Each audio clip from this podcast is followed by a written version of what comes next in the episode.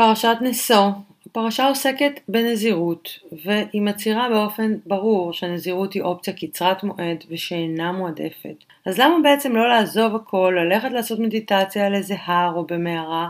נחקור ביחד את נושא העבודה הרוחנית ואיך עושים את זה בחיים הרגילים שלנו. בואו נתחיל.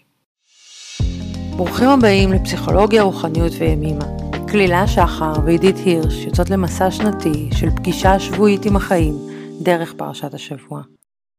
פרשת נשוא, אה, יש בפרשה עיסוק בנושא של נזירות, שביהדות זה הדבר שלא שומעים אותו הרבה, יש לציין, ומתוך הפרשה עולה שהנזירות היא בעצם איזשהו מצב זמני, כי הם מציינים בעצם איך יוצאים מהנזירות, איך מסיימים אותה, אה, ולמה נכנסים אליה. והשאלה שלי זה בפרקטיקות הרוחניות שאנחנו, שאני מכירה, של היוגה ושל הבודהיזם, נזירות זה דבר נורא נורא חשוב ומרכזי, וזה ממש אה, איזושהי צורת תרגול מאוד מאוד שונה מהחיי היומיום, ממש יש הפרדה בין אה, נזירים לאנשי יומיום, יש לזה גם שם. ושאלה שלי זה מה קורה ביהדות, למה מתייחסים לזה אחרת?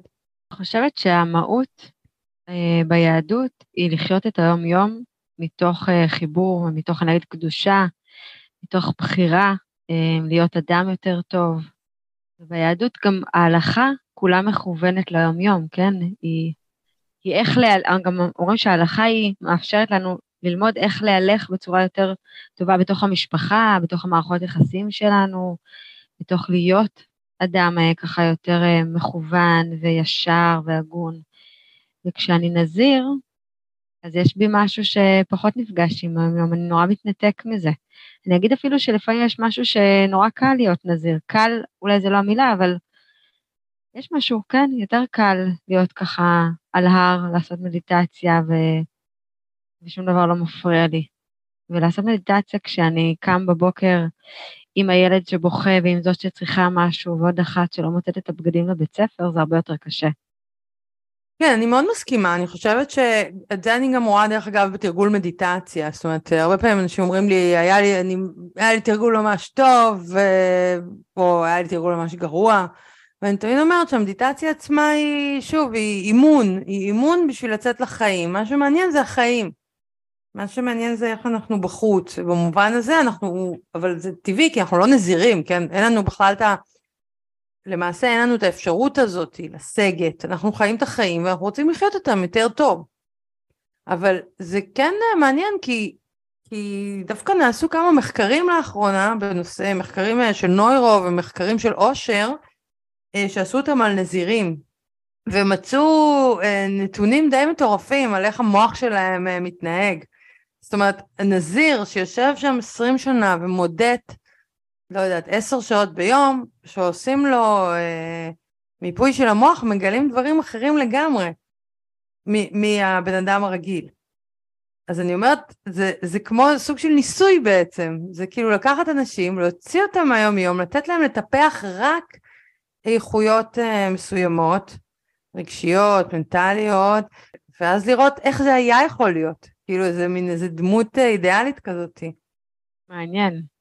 זו דמות אידיאלית, אבל שהיא... ככה אנחנו נושאים אל העיניים, או שהיא דמות אידיאלית שהיא לא פוגשת את היום-יום מבחינתנו? בעיניי היא לא פוגשת את היום-יום. זאת אומרת, כאילו אני לא יכולה להיות ככה, זה לא משנה מה אני אעשה, גם אם אני לא יודעת מה, עמדות שלוש שעות ביום, אני לא אהיה ככה. אבל אולי יש משהו ב... כאילו בלהציג את האידיאל הזה, שהוא נותן איזה השראה. הוא אומר, נגיד, ככה נראה המוח האנושי השלב? אני חייבת להגיד שאני קצת פחות מתחברת לזה, כי אני חושבת שהיכולת להיות ביום-יום ולעשות עבודה רוחנית, היא יכולת, היא הרבה יותר מרגשת בעיניי.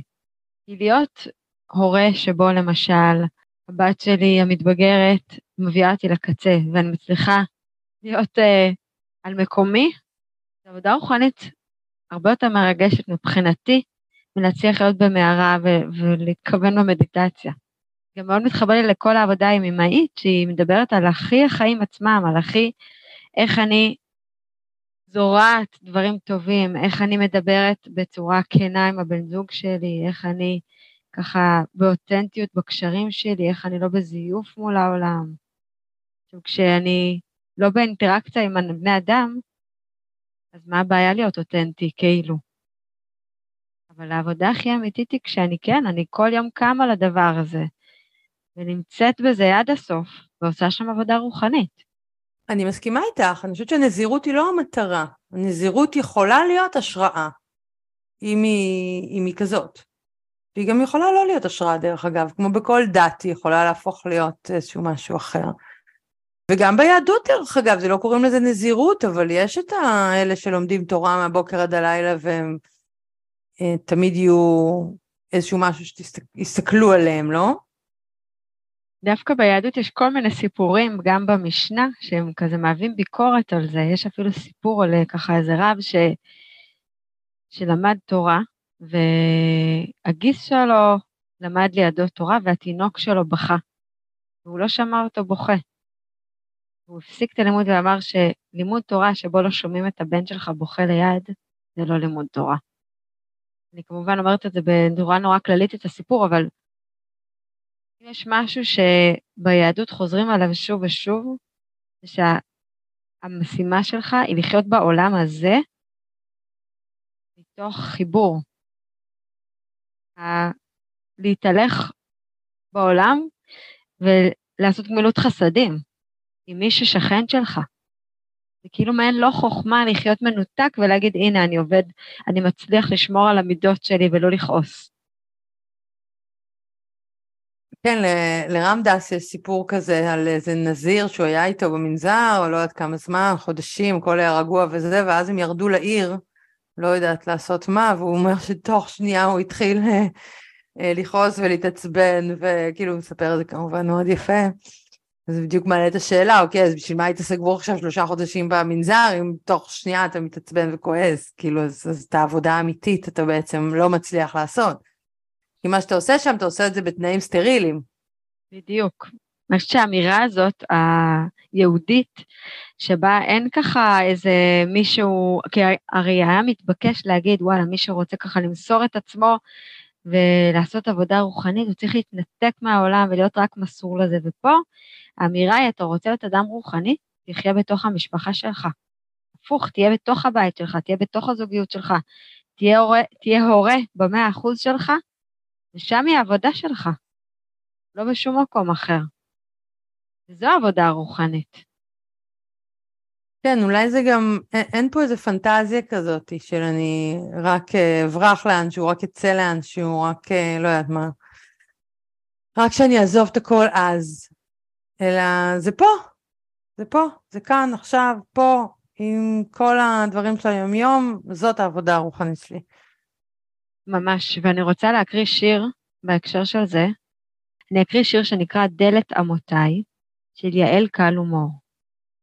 אומרים שהחירות בתוכנו, חיפשתי אותה בתוכי, והיו שם אהוביי והיו אוהביי, והייתה פרנסתי והיו תחביביי, והיה ביתי והטבע שלי, והייתה מנוחתי והיו מעשיי, ושאלתי איך תהיה לי, אין מקום לחירותי, ולאן אוסיף אותה?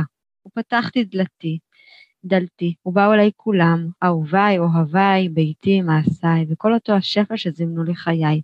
ואמרו לי פה אחד, כבר באנו בדלתך, בכל יום, שעה-שעה, הן אנחנו חירותך. אני חושבת שככה השיר הזה מזמין אותנו להבין שהעבודה היא פה. פה, וגם החירות היא פה, בתוך העבודה הזאת. כן, שהרוח היא פה, לגמרי. אז עם מה נלך השבוע?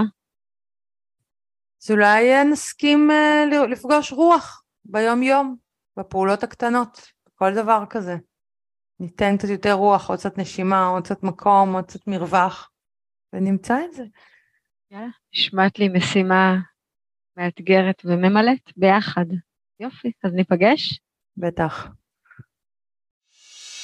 תודה שהייתם איתנו. מוזמנים לשתף ולכתוב לנו איך הפרשה פגשה את השבוע שלכם. נתראה שבוע הבא.